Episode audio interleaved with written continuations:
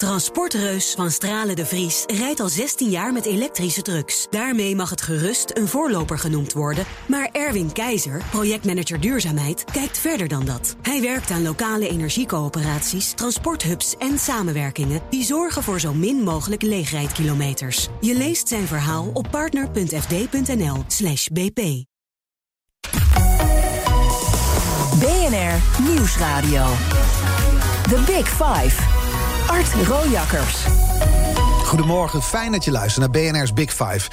Jongeren die hebben het zwaar tijdens deze coronacrisis. Het gezondheidsrisico voor hen is klein, de prijs die ze betalen is hoog. En wanneer deze pandemie ooit voorbij is, zullen vooral zij de gevolgen van de crisis dragen. Waar zitten de problemen precies? En het belangrijkste, waar zitten de oplossingen? Dat onderzoeken we deze week in BNR's Big Five van de coronageneratie. Met vandaag de gast Maurice Kleinenburg, voorzitter van de Nationale Jeugdraad en mede-ondertekenaar van het manifest dat Femke Halsema onlangs presenteerde, met daarin de oproep om jongeren meer vrijheid vrijheden te bieden. Goedemorgen. Goedemorgen, welkom. Um, we beginnen met een aantal stellingen waar je met ja of nee mag antwoorden. Het kabinet ziet de mentale problemen van jongeren over het hoofd. Nee.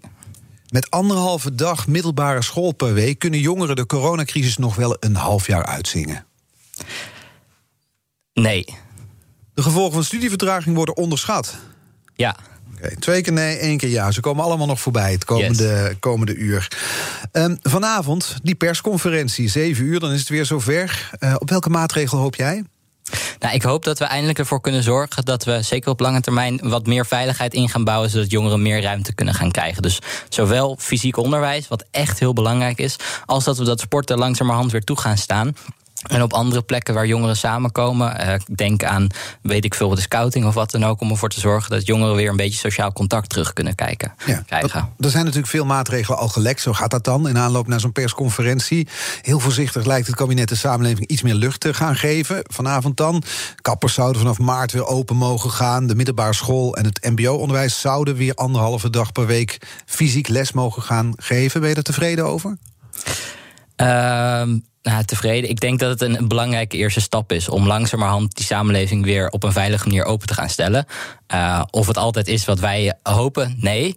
Uh, maar ik denk de dat hogescholen en universiteiten lijken dicht te blijven, om er iets te noemen. Ja, ja dat, daar ziet het in elk geval nu naar uit. Ik denk, ik, ik mag hopen dat we zo snel mogelijk, als het niet nu is, zo snel mogelijk wel die stap kunnen nemen om dat op een veilige manier te gaan doen. We zien in het hele land al testen met universiteiten en sneltesten.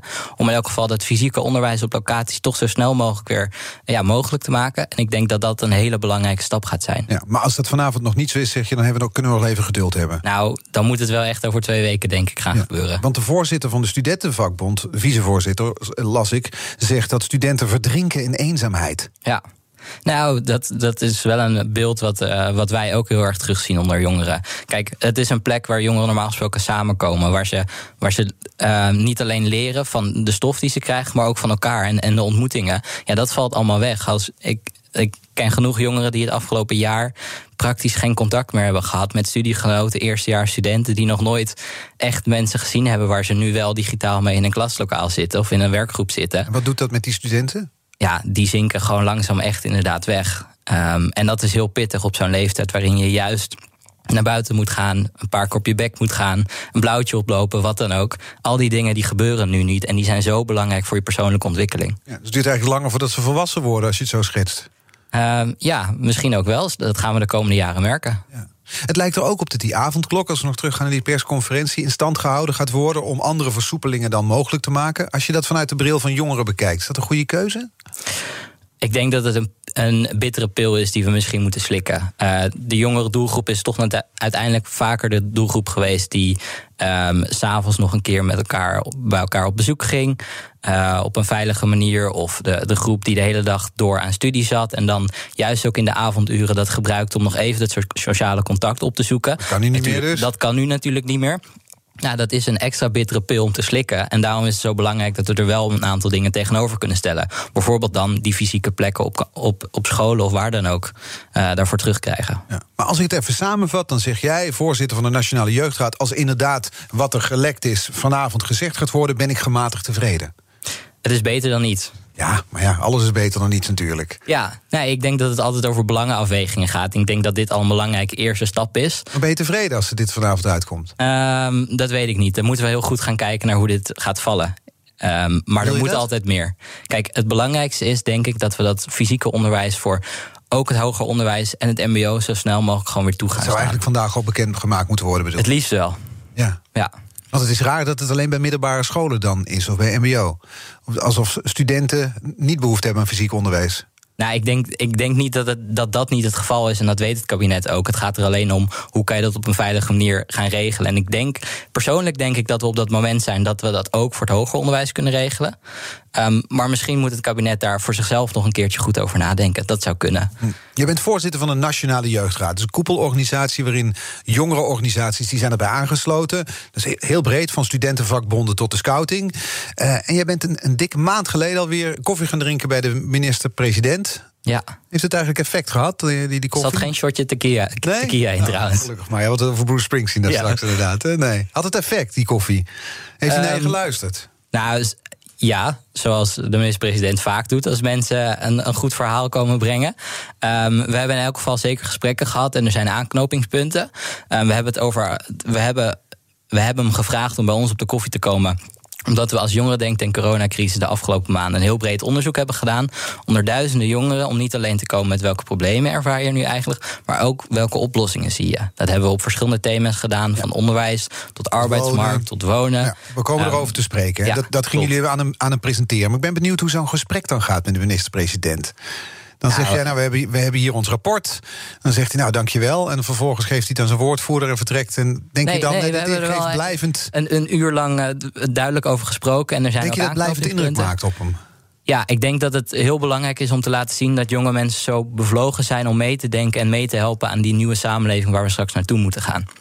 En wat er allemaal voor nodig is. En dat wij heel nadrukkelijk zeggen: we wijzen niet alleen naar het kabinet van jullie moeten dit oplossen. Maar jullie moeten wel de eerste stap zetten om dit samen met ons op te gaan lossen. Ja. Maar je, je, je zei toen rondom dat bezoek: als we niet uitkijken, wordt deze coronageneratie straks een verloren, verloren generatie. Ja, en daar blijf ik bij. Dat zijn grote woorden. Het zijn ook hele pittige woorden. Maar we zien ook dat er uh, best wel wat gebeurt binnen die generatie.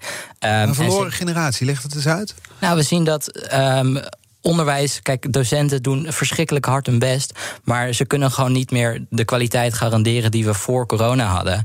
Um, daarnaast zien we dat er heel veel verschillen binnen zo'n generatie optreden. Want sommige mensen hebben een veel betere thuissituatie en hebben het afgelopen jaar dus op een stuk betere manier door kunnen brengen dan anderen. We zien als we er wat, als we niet naar studenten kijken, maar jongere kinderen, zien we daar ook echt enorme verschillen ontstaan. Ook binnen scholen.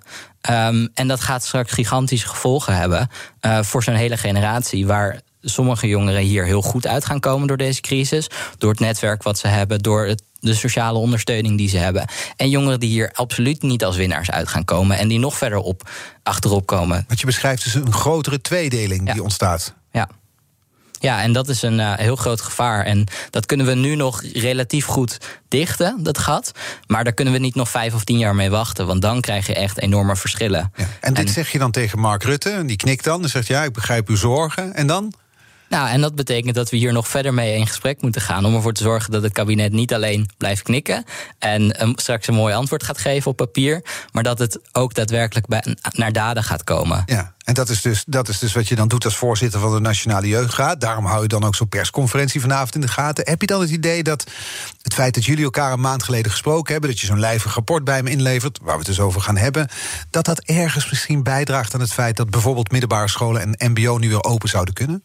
Nou, ik denk uh, vooropgesteld dat het niet alleen het werk is wat ik in mijn eentje doe, want we doen het met heel Uiteraard. veel mensen. Ja. Um, maar ik denk zeker dat het meehelpt om ervoor te zorgen dat het hoger op de radar komt te staan. En om ervoor te zorgen dat we laten zien van welke ideeën hebben wij nou, hoe wij deze crisis kunnen komen. Want we hoeven niet altijd van het kabinet te verwachten dat zij alle oplossingen hebben. Nu, nu is deze coronacrisis inmiddels een, een, een jaar bezig. Duurt al een, een jaar. Jongeren kunnen, nou, net als allemaal, maar voor jongeren is misschien wel wat erger, kunnen niet naar de kroeg, niet naar de schoolbanken, niet naar de sportclub. Dan wordt dan wel eens gezegd: in stilte voltrekt zich een grote ramp. Zijn dat ook jouw woorden? Um, het zijn niet letterlijk mijn woorden, maar ik denk wel dat ze heel erg van toepassing zijn op deze generatie. Het is Een generatie die we heel lang niet echt gezien hebben. Kijk, um, Mark Rutte maakte zelf ook de vergelijking tussen de verpleeghuizen, waar de afgelopen, het afgelopen jaar heel veel aandacht is voor geweest. Um, waar hele verschrikkelijke situaties hebben voorgedaan. Maar we moeten en dat vergeten we misschien soms wel eens. Kijk, studenten hebben het niet zo heel relatief gezien niet zo erg als dat het daar in de studentenhuizen was. In de verpleeghuizen? In de, ja, in de verpleeghuizen. Maar als je met z'n achttiende in een studentenhuis woont, je hebt twee wc's, dan kan je op een hele lastige manier aan die regels houden die we met elkaar uh, opstellen. En mhm. dat betekent dat als er een corona-uitbraak is, nou, dat gaat dan zo langzamerhand door het huis heen. Dat betekent dat sommige huizen maandenlang of, of wekenlang uh, binnen moesten blijven en niemand mocht zien. Ja, omdat je dan, ja, dan is er sprake van stapelquarantaine. En als de een dan weer opnieuw besmet raakt, ja, dat betekent dat je nog langer binnen moet blijven met z'n allen. dat is best pittig. Ja. Dus ook al zijn de gezondheidsrisico's minder groot dan in verpleeghuizen, de, de effecten op het leven, die waren er wel degelijk. Ja, die zijn misschien even groot als voor welke generatie dan ook. The Big Five. Art Rojakkers. Deze week vijf kopstukken uit de wereld van de coronageneratie. Uh, vandaag de gast Maurice Knijnenburg, voorzitter van de Nationale Jeugdraad. Heel even maar de definitie pakken, de coronageneratie. Wie rekenen jullie daaronder? Uh, in het onderzoek wat we met, met jongeren denk, denk, hebben gebruikt... hebben we de leeftijdscategorie 16 tot en met 35 jaar genomen. Dat ongeveer 4 miljoen mensen zijn het, Ik 4 miljoen mensen, ja. Dat is een kwart van Nederland. Ongelooflijk. Ik dacht dat wij zo oud het worden waren, maar dat het een kleine groep was. Nee, nee, nee, we doen er wel degelijk toe. Ja, blijkbaar hè. Die gelukkig maar, toch? Gelukkig maar. De jeugd heeft de toekomst. Zijn niet, zijn niet alleen maar aan het vergrijzen. En dus om te onderzoeken wat de gevolgen zijn van de coronacrisis op die jongeren, op die 4 miljoen, hebben jullie dus uh, een, een jongeren denktank georganiseerd, samenwerking met de Sociaal-Economische Raad, de SER. Um, ja, daar werd gesproken dus over studie, over werken en over wonen. en over klimaat. En over klimaat, daar komen we het ook over te, te, hebben. Maar eerst over die studie. De meeste studenten krijgen nu digitaal onderwijs. Betekent dat ook dat het minder goed onderwijs is? Ehm, ik denk dat het een andere manier van onderwijs krijgen is. En dat Zeker zien we, een andere manier. En dat, ja, je, je hoeft niet meer naar collegezaal of waar dan ook. En dat zien we ook best wel terug. Zeker voor mbo-studenten is dit echt heel pittig. Uh, we zien elke maand zien we die cijfers van hoeveel jongeren er nu weer geen stage kunnen krijgen. Dat loopt bijna maar op. En dat betekent dat al die jongeren een flinke studieachterstand op gaan bouwen. En dat loopt uiteindelijk ook in de kosten. Ja, en studenten maken zich volgens mij wel zorgen om de kwaliteit van hun diploma, toch? Of die wel evenveel waard zijn. Ja, ja we zien dat uh, zeker uh, af en toe zien we dat echt wel terug in de cijfers. Dat jongeren echt zeggen: Ja, ik weet niet wat dit straks nog waard is. Want ik heb gewoon een andere beleving um, gehad dan dat studenten van twee jaar geleden dat hebben gehad. Ja. Terwijl ik wel op hetzelfde wordt afgerekend straks. En dat komt dus uit die, die, die denktank, uit dat onderzoek, uit die 2500 jongeren die jullie gesproken hebben. Ja. ja. En de, zij, die denken daar zelf, dus die hebben zelf die vrees van misschien is mijn diploma straks wel minder waard. Krijgen jullie ook signalen van werkgevers dat zij dat ook zo zien? Um, gelukkig valt dat voor nu nog mee. Uh, maar dat is uiteindelijk ook iets wat we de komende jaren zullen gaan zien. Wat die effecten nu echt zijn op de arbeidsmarkt van die zorgen die nu onder jongeren leven. Want dit is een generatie die de komende jaren, uh, als alles goed gaat, wel de kans krijgt om af te studeren. En dan zullen we gaan merken um, of ze daar daadwerkelijk wel of niet op worden afgerekend. Ja. Maar dan is dus onderwijs is één ding. Stages hoort bij onderwijs. Daar hoor dus, horen we veel over. Moeilijk om aan een stage te komen, überhaupt. Daardoor lopen we studenten studievertraging op. Hoe, ja. Hoe, ja, wat horen jullie daarover? Nou, ik denk dat is een hele pittige die bij heel veel jongeren echt inhakt en voor heel veel bestaansonzekerheid zorgt. Um, want dat betekent, kijk, als we hem even wat breder trekken, studenten zijn de generatie van de bijbaantjes. Justine had het er gisteren al over hoeveel enorm veel jongeren hun bijbaan kwijt zijn geraakt. Ja, dat was wel waar ze afhankelijk voor waren. Uh, om een collegegeld te kunnen betalen, om die huur te kunnen betalen. Ja, die zijn nu gedwongen om nog extra te lenen. Als je dat door gaat trekken op de lange termijn, gaat dat flinke gevolgen hebben voor zo'n generatie. Studieschulden lopen Studieschulden lopen op. Um, kijk, het, het, enige voordeel van deze situatie is natuurlijk dat jongeren minder ruimte hebben om dat geld uit te geven, omdat die club of wat dan ook dicht is. Ja, maar, je kan wel heel veel online bestellen als je wil. Ja, maar daar hebben ze het geld niet voor, omdat er geen inkomsten meer zijn. En dat is een hele, hele pittige. En Um, we zien gewoon, um, en dat zagen we ook in de laatste crisis. En als je dan ook nog eens je studie er langer over doet, doordat je geen stage kunt vinden, lopen die kosten en dus die schulden alleen maar meer op, bedoel je te zeggen? Ja, absoluut. En dat is een hele pittige. Ja. En, en, en hoe zit dat dan als je dus, stel je hebt je studie nou wel net afgerond. En je wil dus als starter beginnen aan, je, aan je werk. Hoe, hoe, wat hoor je daarover? Komen jongeren überhaupt nog aan een nieuwe baan in deze tijden? Ja, dat is heel zuur. Want dan had je anderhalf jaar geleden had je de wereld aan je voeten liggen. Het ging nog nooit economisch zo goed als dat het, als dat het vorig jaar ging. Um, dus prachtige toekomstperspectieven voor heel veel jongeren in Nederland. Ja, en we zien nu gewoon dat bijna overal die startersfuncties weg zijn gevallen.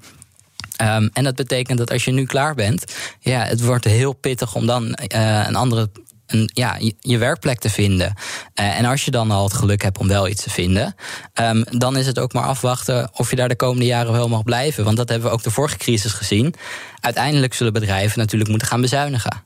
En toen was het zo het geval, en we zijn er bang voor dat dat nu ook weer gaat gebeuren, dat die jonge mensen die het kortst een contract hebben, uh, straks weer als eerste de, de, deur uit worden gestuurd. Omdat dat de goedkoopste mensen zijn. Um, waar, waar je in kan snijden als bedrijf. Ja, dat is dan inderdaad heel zuur als je dus net, net op tijd voor corona klaar was met je studie. Zijn er ook cijfers al die jullie zien dat starters meetbaar langer doen over een zoektocht naar werk? Um, nou, de expliciete cijfers zien we nog niet. Juist ook omdat het, het is nu een periode die ongeveer een jaar duurt. Um, maar we zien wel dat het Um, dat we krijgen steeds meer signalen van jongeren die dat echt heel moeilijk vinden om die vaste baan te vinden. Of nou, ik noem het niet eens meer een vaste baan, maar in elk geval een baan kunnen vinden. Ja, ja. Um, die meer dan voor drie maanden is op ZZP-basis of wat dan ook. Ja. Ander punt dat jullie dus in kaart hebben proberen te brengen is uh, het wonen. Ja. Um, dat was natuurlijk al wel een probleem voor de crisis. Uiteraard. Het, de, de, een betaalbare woning vinden voor, voor jongeren. Uh, is dat ver, verergerd, neem ik aan, nu door corona? Ja, dat is een nog lastiger verhaal geworden. We beginnen natuurlijk al bij die studieschulden die nu nog extra op moeten lopen, omdat die studenten uh, geen andere bron van inkomsten hebben. En dat we dan in Nederland maar zeggen: dan moet je maar extra bijlenen, want daar heb je die, uh, die duo-lening voor. Um, en vervolgens zien we gewoon dat jongeren, juist ook als ze wel al op die arbeidsmarkt zitten, zoveel extra onzekerheid ervaren. Omdat ze zeggen, ja, ik weet niet of ik hier over twee jaar nog wel dit salaris heb. Omdat ik überhaupt niet weet of ik hier volgend jaar nog mag werken. Um, dat betekent dat jongeren die, die keuzes om daadwerkelijk te gaan zoeken voor dat huis verder uit gaan stellen. We zien nu dat die, omdat die uh, schulden oplopen, het nog lastiger wordt om straks die hypotheek te kunnen vinden. En tegelijkertijd zien we, volgens mij deze week kwamen de cijfers weer uit, dat de huizenmarkt alleen nog maar, de prijzen van de huizen zijn alleen nog maar gestegen in deze crisis. Mm Terwijl het vermogen van jongeren is er eigenlijk alleen maar op achteruit gegaan het afgelopen jaar. Dus dat wordt alleen maar groter, dat verschil eigenlijk. Huizen worden duurder en het vermogen wordt kleiner. Ja. ja. Nou, nou sluit dat eigenlijk wel aan bij de kettingvraag die onze gasten elkaar stellen. Gisteren was hier, je noemde het al, Justine Feitsma, de gastvoorzitter van CNV Jongeren. Um, en zij had deze vraag voor jou. Nou, ik zou Maurice willen vragen uh, wat volgens hem het eerste zou zijn waarvoor jongeren de straat op moeten gaan op het moment dat het weer kan en mag. Ja, en dan bedoelt ze, waar, moet je nou het eerste straat voor gaan? Ze bedoelde volgens mij de keuze tussen flexwerk en de woningmarkt. Want daar hadden we het daarvoor over gehad. Ja, nou, ik denk dat het belangrijkste is dat uh, jongeren straks op en ook nu op allerlei manieren laten zien hoe belangrijk het is dat ze, dat bestaan, dat ze die bestaanszekerheid terug gaan krijgen. En de directe stap om dat voor elkaar te krijgen is om ervoor te zorgen dat we meer zekerheid krijgen op die arbeidsmarkt. Dus toch voor de arbeidsmarkt, dat is het Toch voor die arbeidsmarkt. Ja. Maar ik denk dat er heel veel andere dingen zijn waar jongeren straks voor de straat op kunnen gaan. Ja. Uh, mentaal, mentale gezondheid is ook van de, een van die issues. Um, die gelukkig steeds meer aandacht krijgt. Maar dat gaat echt een hele grote uitdaging worden de komende tien jaar. Ja. Moeten de jongeren niet eigenlijk nu al de straat op gaan? zit ik dan te denken. Als je die opsomming zo hebt over wonen, over werken. Ik zat gisteren van Justine horen. Dan denk je, je, je komt, jij ook komt diplomatiek over. Uh, net als Justine. Is die tijd voor uh, grote protesten? Um, nou, soms. En, en die zijn zeker niet weg. Dat hebben we de afgelopen jaren ook heel mooi kunnen zien met die klimaatprotesten in Den Haag. Um, maar juist nu, vanwege corona bedoel ik. Ja, juist nu lijkt het me niet verstandig om met tienduizenden mensen de straat op te gaan. Maar er zijn allerlei andere manieren waarop je juist op deze momenten heel duidelijk onze stem kunnen laten horen. Bijvoorbeeld, Bijvoorbeeld volgende maand. Volgende maand. Ja, als we gaan stemmen. Precies. En dat, dat is heel belangrijk. Dan, dan, dan dat op dat moment zoveel mogelijk jongeren laten zien wat zij vinden, uh, waar zij vinden, waar we in Nederland meer aandacht aan moeten gaan besteden. Is het ook een, een, issue van dat jongeren elkaar misschien helemaal niet meer weten te vinden door deze crisis? Je beschreef het al, je, je ziet elkaar niet. Als je gaat studeren, mhm. zit je virtueel in schoolbanken met mensen die je nog nooit het echt ontmoet hebt. Het is ook moeilijk om jezelf te organiseren misschien dan. Ja, je, je, je leert minder mensen kennen, dus heb je ook automatisch minder echt sociale contacten. Um, dus ga je, je, ja, je gaat niet meer zo snel met allemaal random mensen naar buiten. Dus dan, ja, weet ik veel, kom je een clubhouse samen tegenwoordig, volgens mij. Ja. Snap jij er iets van van Clubhouse of niet? Nee. Nee, nee. Ik dacht dat ik te oud was. Ah, misschien ligt het gewoon aan ons twee. Ja, dat zou ook kunnen natuurlijk, ja. ja. Maar die, die frustraties van jongeren... Die, bedoel, de samenleving merkt het soms wel. Een aantal weken geleden, toen de avondklok werd ingevoerd... ontstonden er in een heel aantal steden rellen. Eh, het waren veel jongeren die er ook bij waren. Ehm, hebben die frustratie die daaruit bleek, want dat was het wel... was dat herkenbaar?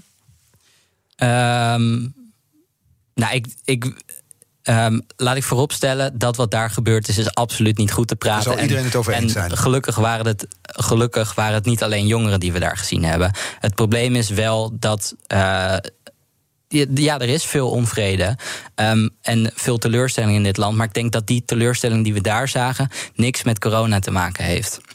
Het kan misschien het laatste vonkje geweest zijn. Niet met die avondklok, want dat leek de directe aanleiding, toch? Ehm, ja, dat kunnen we zo zeggen. Maar ik denk dat er veel meer. Zeker, kijk, het zijn allemaal. ehm, er zijn heel veel mensen waar het de afgelopen jaren die het niet zo, die, waar het niet zo positief mee is gegaan. Die best wel pittig hebben gehad. En daar is misschien de afgelopen jaren echt te weinig aandacht voor geweest in Den Haag. Ja, maar dan hadden ze ook, weet ik het, een half jaar geleden... of een jaar geleden of anderhalf jaar geleden de straat op kunnen gaan. Ja, maar dat was nu dit- aankondiging van de avondklok... en dat leek de lont in het kruidvat. Het leek, maar misschien is dat perceptie van mij... alsof dat de directe aanleiding was voor mensen... om het bredere ongenoegen dat er was te uiten. Dat durf ik niet te zeggen. Daar ben ik geen sociaal wetenschapper voor. Nee, maar die, die onvrede die, eh, die daaruit bleek... die onvrede die er volgens mij bij andere, jongen, on- andere jongeren ook is... toch of niet? Of zie ik dat verkeerd? Nou, er is heel veel eh, teleurstelling. eh, denk ik, omdat het zo lang duurt. En dat we. Iedereen is moe omdat het zo lang duurt. En je op een boos. gegeven moment. Ben je boos bijvoorbeeld? Nou ja, ik ben soms wel eens boos, ja. Maar ik weet ook. Nou, dat het allemaal zo lang duurt, bijvoorbeeld. En dat er zo weinig perspectief is. Ik zeg niet dat jij dan een, een steen uit de straat wil trekken... maar ik ben zo benieuwd waar, ja, hoe, dat, hoe zich dat dan uit, die woede. Oh, als ik boos ben. Ehm, nou, ik denk dat. Kijk, ik ben in een gelukkige positie waar ik kan proberen om als ik boos ben en ik ben het ergens niet mee eens, om daar mijn stem over te laten horen en te kijken hoe, hoe we het beter kunnen maken. Hoe wij ons ervoor in kunnen zetten. Om die slechte situatie waar we in zitten, waar ik, me, ja, waar ik frustratie over kan uiten, om ook die volgende stap te zeg- zetten naar. Oké, maar hoe moet het dan wel? En wat kan ik bijdragen om, er om ervoor te zorgen dat het straks wat beter gaat? En daar Je zetten we ons met- in de dop. Als ik je zo hoor. Nee, we zijn vertegenwoordigers van zo'n hele generatie die ervoor moeten zorgen. Ehm, want uiteindelijk krijgen we heel veel dingen voor elkaar door in Den Haag met heel veel mensen te spreken en te laten zien hoe wij vinden dat het anders moet. Ja. Eén punt, want je noemde het net al heel kort... wat ik nog wel wil aanhalen uit jullie denktank... wat eruit naar voren kwam... is dat er heel veel zorgen zijn over het klimaat. Ook in deze coronatijd bij Ja. jongeren. Ja, dat was ehm, voor ons ook wel een, op, een opvallend thema. Juist ook omdat we er in eerste instantie niet naar gevraagd hebben. Maar dat het specifiek uit jongeren zelf terugkwam. Van ja, we, we zijn ook eigenlijk twee zo grote zorgen over het klimaat. Aan de ene kant, we zitten in een hele grote gezondheidspandemie. En het lijkt alsof. ehm, minder hard aan de slag gaan daardoor met het groene herstel, het duurzame herstel. En tegelijkertijd zeggen jongeren, ja, we moeten die stappen de komende 10, 15, 20 jaar echt gaan maken. En daar moeten we vandaag al mee gaan beginnen. Maar we moeten er ook voor zorgen dat iedereen mee kan blijven doen. En dat het niet alleen straks een speeltje weer gaat worden. En waar vooral de jonge mensen die het goed hebben eh, van kunnen gaan profiteren. Nee, dit moet iets zijn waar we als heel, heel het land van gaan profiteren. Maar doordat jongeren nou eenmaal een langere horizon hebben... zien, zien ze, jullie, zou ik maar zeggen... dat na corona er ook nog genoeg andere problemen zijn. Dat blijkt dan uit zo'n onderzoek. Ja, ja het, is, eh, het is. Als dit straks is opgelost, is er nog genoeg wat waar we ook zo snel mogelijk aan moeten beginnen. Ja. We gaan er eh, over hebben wat er bijvoorbeeld allemaal kan gebeuren. Dan praat ik verder met Maurice Knijnenburg. Want je ondertekent dus, ik zei het al, samen met onder andere de burgemeester van Amsterdam, Femke Halsema, een manifest om jongeren als eerste meer vrijheden te geven. Nou, waarom dat moet gebeuren, hoe dat moet gebeuren en wat het allemaal inhoudt, hoor je zometeen een tweede half uur van BNR's Big Five van de coronageneratie. Nieuwsradio. The Big Five. Art Rojakkers. Welkom bij het tweede half uur van BNR's Big Five van de coronageneratie. Met deze week dus vijf kopstukken over die generatie die zomaar een verloren generatie dreigt te worden. Tenminste, dat zegt Maurice Knijnenburg vandaag de gast, voorzitter van de Nationale Jeugdraad. Daarop tekende jij twee weken geleden een, een manifest samen met een aantal andere prominenten, waaronder de burgemeester van Amsterdam, Femke Halsema, met daarin de oproep tot meer vrijheden voor jongeren. Ehm, hoe moeten die nieuwe vrijheden er eigenlijk uitkomen te zien? Nou, wat, wat, we daar zeggen is, je moet ervoor zorgen dat we zo snel mogelijk, bijvoorbeeld via sneltesten, we veilige plekken kunnen gaan creëren waar jongeren dus uh, of dat fysieke onderwijs weer terug kunnen krijgen. Maar ook heel belangrijk dat ze dat sporten weer, uh, dat we weer een mogelijkheid krijgen voor die leeftijdscategorie tot en met 27 tot en met 30 om op een veilige manier weer te kunnen sporten. Uitlaatklep. En die is heel belangrijk voor het mentale welzijn onder jongeren. Ja, en dat doe je dus door sneltesten. Dan ben je, dan ben je oké, okay, negatieve sneltest en dan, heb ik, uh, dan mag je gaan sporten. Ja, dat is in elk geval wel de hoop. Ja. En dat betekent ook, zeggen de ondertekenaars van het manifest, wonder jij, dat het kabinet verantwoorde risico's moet nemen. Ja, ja nee, we zien. Uh, kijk, we zitten nu al uh, bijna een jaar in deze crisis. En we zien steeds meer uh, welke effecten dat ook heeft, mentaal gezien, maar ook sociaal gezien, op enorme groepen in de samenleving. En um, dat zijn ook risico's die we stap, stapsgewijs op een goede manier moeten, moeten wegen. Um, tegen uh, kijk, ik ben geen viroloog en ik ben ook geen politicus, dus ik hoef gelukkig niet die afweging te maken. Nog geen politicus als ik naar je luister. Nee, nee, nee. Nee, ik, ik, ik spreek namens een generatie. En um, daarom moeten wij ervoor zorgen dat we zo goed mogelijk laten zien van hoe we dat op een veilige manier zouden kunnen doen. En gezondheid. En hoe ze dan die keuzes kunnen maken. de coronatijd dat je moet niezen. Dit kan natuurlijk niet. Ook nog eens live op de radio. Sorry hoor.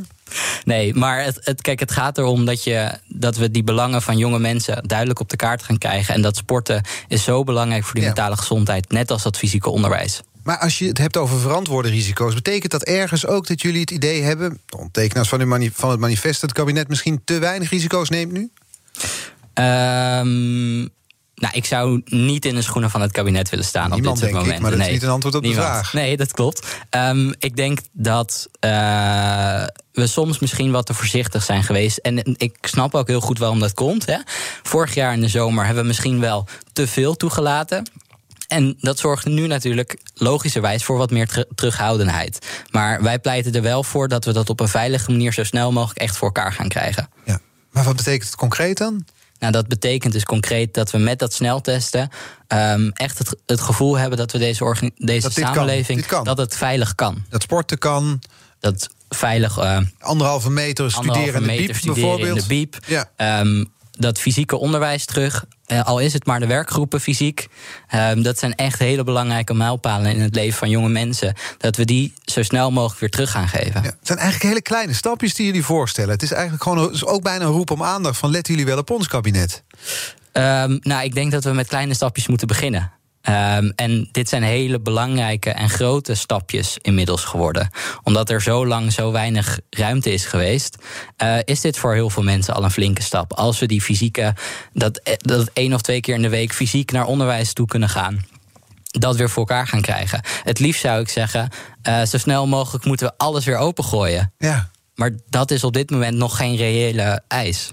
Dat zien wij ook in. Nee, maar die stapjes, dus bijvoorbeeld die anderhalf meter biep, dat, dus op anderhalf meter studeren in de bibliotheek, dat is van wezenlijk belang. Dat is niet zomaar ja. een symbolisch stapje bedoel. Nee, kijk, en dat heeft er ook mee te maken. je moet weer in die, die. Je moet jongeren de ruimte kunnen geven om zich goed te kunnen ontplooien. Maar het zorgt er ook weer voor dat op een veilige manier buitenshuis dat contact kunnen opbouwen. En weer andere mensen kunnen ontmoeten. Wat zo belangrijk is voor die sociale interactie. En die ontwikkeling die jongeren door moeten maken in deze tijd. Het moet wat meer open voor jongeren, want ze staan te lang stil al. Het duurt ja. al een jaar. Ja. Nou werd er dit weekend natuurlijk volop geëxperimenteerd op allerlei manieren. Er was een voetbalwedstrijd ja. waar publiek bij was. Guido Weijers mocht optreden uh, met publiek wat in groepen was ingedeeld. Is dat een, hoe heb je dat gevolgd? Nou, ik, ik, moet wel zeggen dat ik een beetje jaloers voor de, voor de buis zat. En ik dacht, ach, dat had ik ook wel willen doen. Ja, snap, bij welke van de twee? Het voetbal of Guido Weijers? Ja, ik ben, ik ben een hele grote voetbalfan. Dus uh, ik had wel heel graag een keer in het stadion willen zitten. Maar ik denk dat dat er voorlopig nog niet in zit. Ja. Maar is het, is het symbolisch gezien voor jongeren belangrijk dat de overheid zulke testevenementen ja. organiseert? Dat, er, dat ze bezig lijken te zijn langzaamaan met wat er wel kan? Ja, het is heel belangrijk om dat signaal af te geven dat uh, we laten zien van we zijn echt met dingen, be dingen bezig om ervoor te zorgen dat zo snel mogelijk als het veilig kan, we dit soort dingen weer terug kunnen gaan geven. Dus dat je straks um, in de zomer of aan het eind van de zomer nog naar een festival toe kan gaan, bijvoorbeeld.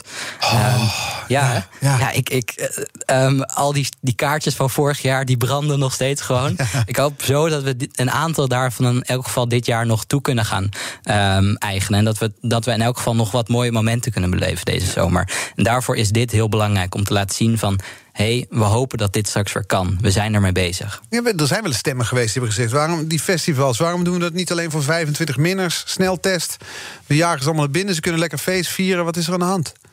Wat vind je daarvan? Ik denk dat het een hele interessante gedachte is, ja. 25 min festival.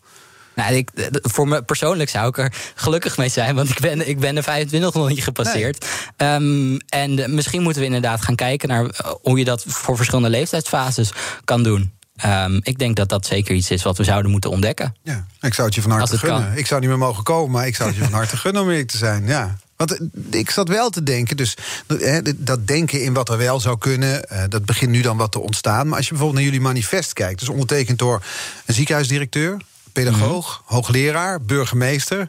kun je veel van zeggen, maar dat, geen dat zijn geen studenten. Nee, maar dat eh, laat wel zien dat heel veel andere mensen in de samenleving ook heel belangrijk dat bestuurders ook zeggen: we moeten zo snel mogelijk gaan kijken naar wat we voor de jonge mensen toe kunnen gaan staan. Gaan staan omdat het zo'n belangrijke generatie is. We zeggen altijd: de jonge mensen van nu, dat, dat zijn de sterke schouders waar onze samenleving van morgen op moet rusten.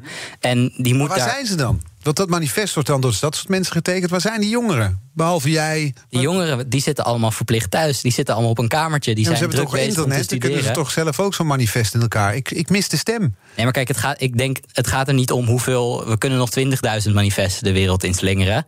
Um, daar lossen we de problemen niet van op.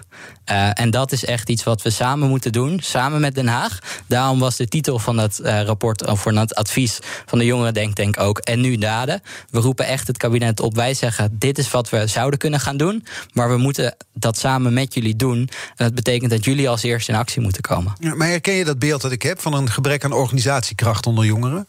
Lobbykracht? Um, ja, ik denk dat het heel natuurlijk is dat wij uh, niet de grote krachten hebben die bijvoorbeeld bij enorme werkgeversorganisaties komen kijken. We zijn allemaal jonge mensen. Uh, Justine is bijvoorbeeld een van de weinige binnen jonge organisaties die een mandaat heeft voor meer dan een jaar. Ja, wij zijn twee jongeren, steeds voor drie jaar is, ja, uh, mag ze klopt. doen. normaal gesproken doen we dit werk maar een jaartje. Dat betekent dat er ook veel roulatie is. We krijgen niet altijd de financiële middelen om hele grote campagnes of wat dan ook op te zetten. Um, dus dat betekent dat wij soms inderdaad wat minder sterk zijn in onze Ja. En dus moeten we creatieve manieren vinden om daar wel tussen te komen. En dat betekent dat we soms op moeten trekken met bijvoorbeeld bestuurders. Ja. Bijvoorbeeld met burgemeesters of wetenschappers. Ja. Of, ja, dat je die eigenlijk voor het jongerenkarretje moet, moet spannen. Of, nou, we doen het samen. Ja, oké, we doen het samen natuurlijk. Ja, ja. Maar dat, die, die, die lobbykracht die je beschrijft, het is ergens, het is logisch zoals je beschrijft. En tegelijkertijd hebben we het dus over een verloren generatie. We hebben de, mhm. de, de, effecten geschetst. Dus daar zit een soort, daar zit, ja, daar zit ruimte tussen die twee. Ja, nee, ik denk um, dat uh, de jongerenlobby zeker de komende jaren echt nog zal moeten groeien. Maar er ligt ook een hele belangrijke kracht, uh, zeker in deze verkiezingstijden. We zien, we, er zijn nog nooit zoveel jonge mensen die op een verkiesbare plek hebben gestaan. Dat perspectief in vertegenwoordigingsrollen krijgen, dus ook in de Kamer krijgen, is echt heel belangrijk om ervoor te zorgen dat dat jongerengeluid en dat perspectief van wat leeft er nu eigenlijk onder jongeren steeds beter vertegenwoordigd gaat worden. Ja, nou was je zelf natuurlijk politiek actief. Volgens mij moet je dat. Je was bij GroenLinks Noordwijk. Daar moet je dan mee stoppen. Volgens mij als je deze functie hebt. Hè? Ja.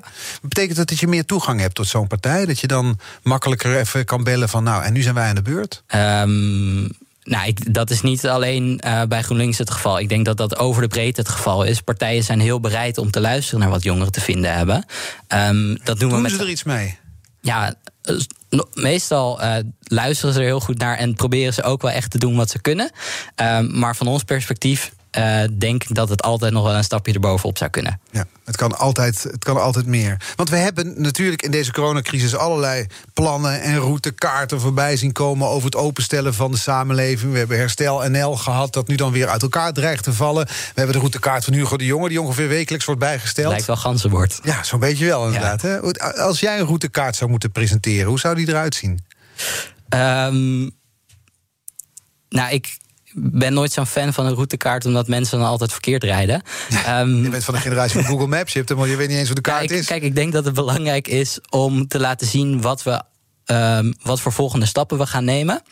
Dus bijvoorbeeld, dus niet alleen zeggen bij zoveel besmettingen, maar dit is waar we naartoe werken en daar is dit en dit voor nodig. Dus bijvoorbeeld, we werken toe aan om ervoor te zorgen dat sporten tot met 27 toegestaan kan worden, mm -hmm. tot met 30. Of dat fysiek onderwijs weer mogelijk gaat zijn. Maar daarvoor moeten we eerst dit en dit nog regelen. Dan kan je ook de samenleving een opdracht geven van dit moeten we met elkaar weten te regelen. En dan kunnen we dit weer voor elkaar krijgen. Wat zou jouw volgorde zijn? Um, nou, de precieze volgorde heb ik niet. Maar ik denk dat het allerbelangrijkste is dat we dat uh, onderwijs weer voor elkaar gaan krijgen voor iedereen. Dat sporten weer voor elkaar gaan krijgen. En dat we tegelijkertijd bezig gaan met hoe we de jonge generatie op de arbeidsmarkt, of ze nu een baan hebben of niet, hoe we hun positie gaan verstevigen. Ja, en dan hadden we dat wonen nog, waar er dus ook veel klachten over waren. Ja. Wat moet daar dan gebeuren als eerste stap? Nou, ik denk dat we daar voor de lange termijn moeten gaan kijken welke stappen kunnen we nemen. Er zijn hele, heel veel creatieve ideeën langsgekomen, ook in de Denktank. Waar jongeren bijvoorbeeld zeiden van, nou, je zou ook het kunnen gaan zien, studieschuld zou je ook kunnen gaan zien als een soort van omgekeerde pensioenopbouw. Dat uh, je werkgever um, niet alleen voor je pensioenopbouw afdraagt, maar ook voor het aflossen van je studieschuld. Om ervoor te zorgen dat je die sneller af kan, kan bouwen. Of wat we voorbij hebben zien komen, dat je verdien vermogen. Dus wat is de, hoe ziet jouw toekomst er toekomstig baanperspectief mm eruit. Dat we dat bijvoorbeeld mee kunnen gaan wegen uh, in de pensioen. Of sorry, niet in de pensioenafdracht. Nou draag ik. In de studie, um, maar, studieschuld. Ja, in de studieschuld. En hoeveel kans je krijgt op een hypotheek. We zien ook heel veel signalen van jongeren die zeggen: ja, ik betaal nu 600, 700 of 900 euro huur. Um, maar ik mag niet die hypotheek waar ik dan uiteindelijk 700 euro aan vaste lasten kwijt ben. Die krijg ik niet, omdat ik daar nu opeens niet voldoende voor verdien. Mm -hmm. um, dat we daar moeten gaan kijken van wat kunnen we doen om dat wat gelijker te trekken. Ja, er genoeg oplossingen die er voorbij kwamen, die denk ik. Er is voldoende. Ja, thanks. BNR Nieuwsradio. The Big Five. Art Rojakkers. Nou, iemand gaat het zo een BNR-break dus hebben over... met het breekijzer alle lobbyclubjes ten spijt. Den Haag doet niks met het tegengeluid. Ja, ja mooie slogan. er maar op. Um, nou, ik wil niet zeggen dat ze er niks mee doen. Uh, maar soms kunnen ze er uiteraard gewoon wat meer mee doen dan dat ze dat op dit moment doen. Mm-hmm. Wat ik net ook al zei, het, het blijft altijd een enorm pittige belangenafweging. Ze luisteren naar veel mensen. Maar dat betekent niet dat uh, het kabinet altijd iedereen, um, iedereen naar zijn zin kan maken, ook ons niet. En dat vinden we natuurlijk ook jammer. Um, maar ik begrijp dat ze ook niet altijd overal ja tegen kunnen zeggen naar wat wijzen. Ja, maar het, het kan af en toe wel wat meer natuurlijk. Het is een voortdurende afweging bedoel je? Ja. ja. Dat studenten het zwaar hebben is inmiddels wel duidelijk. Het blijkt ook uit jullie uh, uh, nou ja, onderzoek. Het blijkt natuurlijk uit allerlei berichten. Volgens mij geeft een derde van de studenten hun leven inmiddels zelfs een onvoldoende mm -hmm. momenteel. Dat is echt een grote groep, een derde. Ja, dat is echt heel pittig. Um, en dat zullen we dus zeker de komende jaren zullen we daar de gevolgen van gaan merken. En er kwam laatst in Engeland kwam er een onderzoek uit. Um, dat ging over mentale klachten en de verwachting daarvoor voor de Britse bevolking. Uh, daar kwam uit naar voren dat uh, ongeveer 10, 10 miljoen mensen in Groot-Brittannië de komende jaren uh, klachten zullen krijgen van mentale gezondheid. Dat het zelfs tot PTSS aan toe. En dat betekent dat er 10 miljoen extra behandelingen nodig zullen gaan zijn in dat land. Um, dat soort cijfers, ik hoop een stuk minder, zullen we uiteindelijk ook terug gaan zien in Nederland. Omdat de mentale problematiek en zeker de zorg daarvoor loopt altijd gewoon achter zo'n crisis aan. Um, er is enorm veel onzekerheid, heel veel stress onder, onder jongeren, maar natuurlijk onder de hele bevolking. Um, en de gevolgen daarvan die zullen we de komende jaren echt gaan merken. En daar moeten we Het is niet zo dat als deze coronacrisis voorbij is, dat dan jongeren leven gewoon kunnen oppakken. Um, nou, ik denk dat heel veel jongeren het geluk hebben om dat wel te kunnen doen. Uh, maar er zullen heel veel neveneffecten zijn en heel veel onderliggende klachten die opgebouwd worden, die de komende jaren wel aan de oppervlakte zullen komen. Maar dus bijvoorbeeld. Want, want, ik zit dan te denken, dus straks mag, mag, mag jij als 25 minder misschien wel naar een festival toe. Nou, een keer flink dansen, een keer flink feesten. Dan kun je toch ook weer van je afschudden? Um, ja, uh, dat zou je wel zeggen, maar je moet niet vergeten dat het afgelopen jaar echt een enorm ingrijpende ingrijpend is geweest voor, voor iedereen. En zeker voor jonge mensen die in een leeftijdsfase zitten. Waar ze juist elke dag moeten gebruiken om zich te ontwikkelen. Te kunnen meten aan leeftijdsgenoten. Um, een paar keer, ja, zoals ik zei, op, op een bek moeten gaan. Om ervoor te zorgen dat je daar ook van kan leren. Ja, er is heel veel weggevallen. Heel veel ontwikkeling weggevallen. En dat gaan we niet zo snel um, inlopen als we alleen maar zeggen: dit is nu achter de rug, nu kunnen we gewoon weer door zoals het was. Want de samenleving is gewoon veranderd. Er zijn minder kansen straks, ook op de arbeidsmarkt.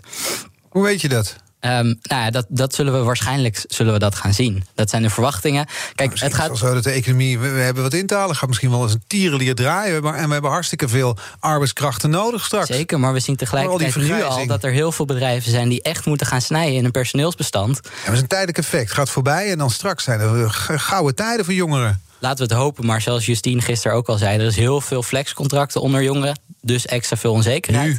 Nu, maar dat is de afgelopen jaren al zo. En we zullen niet, en het lijkt er niet echt op dat we daar snel verandering in teweeg gaan krijgen.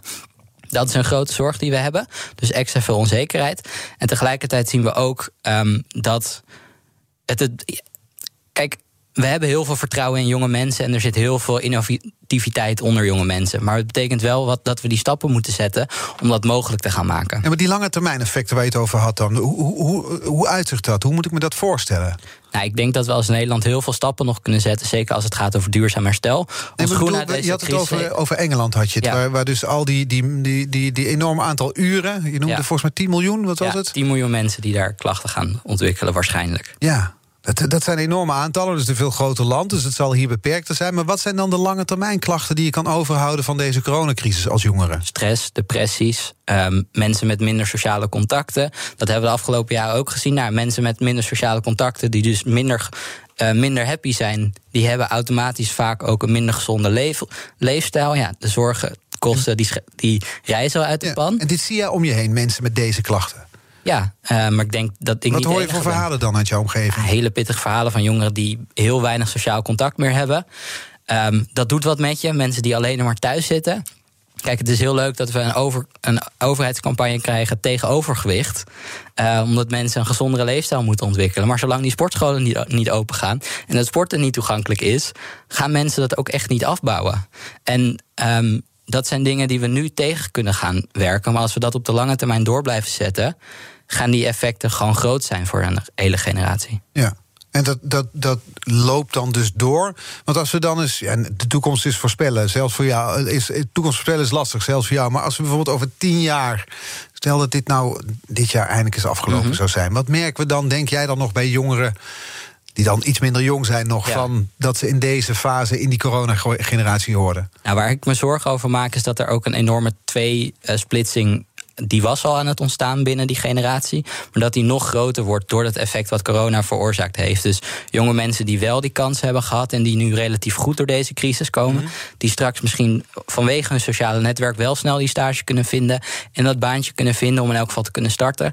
En die hele groep die dat niet heeft die, um, die tweeling die groter wordt, waar we het al over hadden. Ja. En zou, zou je ook niet kunnen beredeneren dat misschien jongeren juist nu momentum krijgen om zaken echt te veranderen? Dat we laten zien wat de na, eh, corona heeft laten zien wat de nadelen van flexwerken zijn, hoe erg de woningmarkt op slot zit. Misschien is dit wel de kans.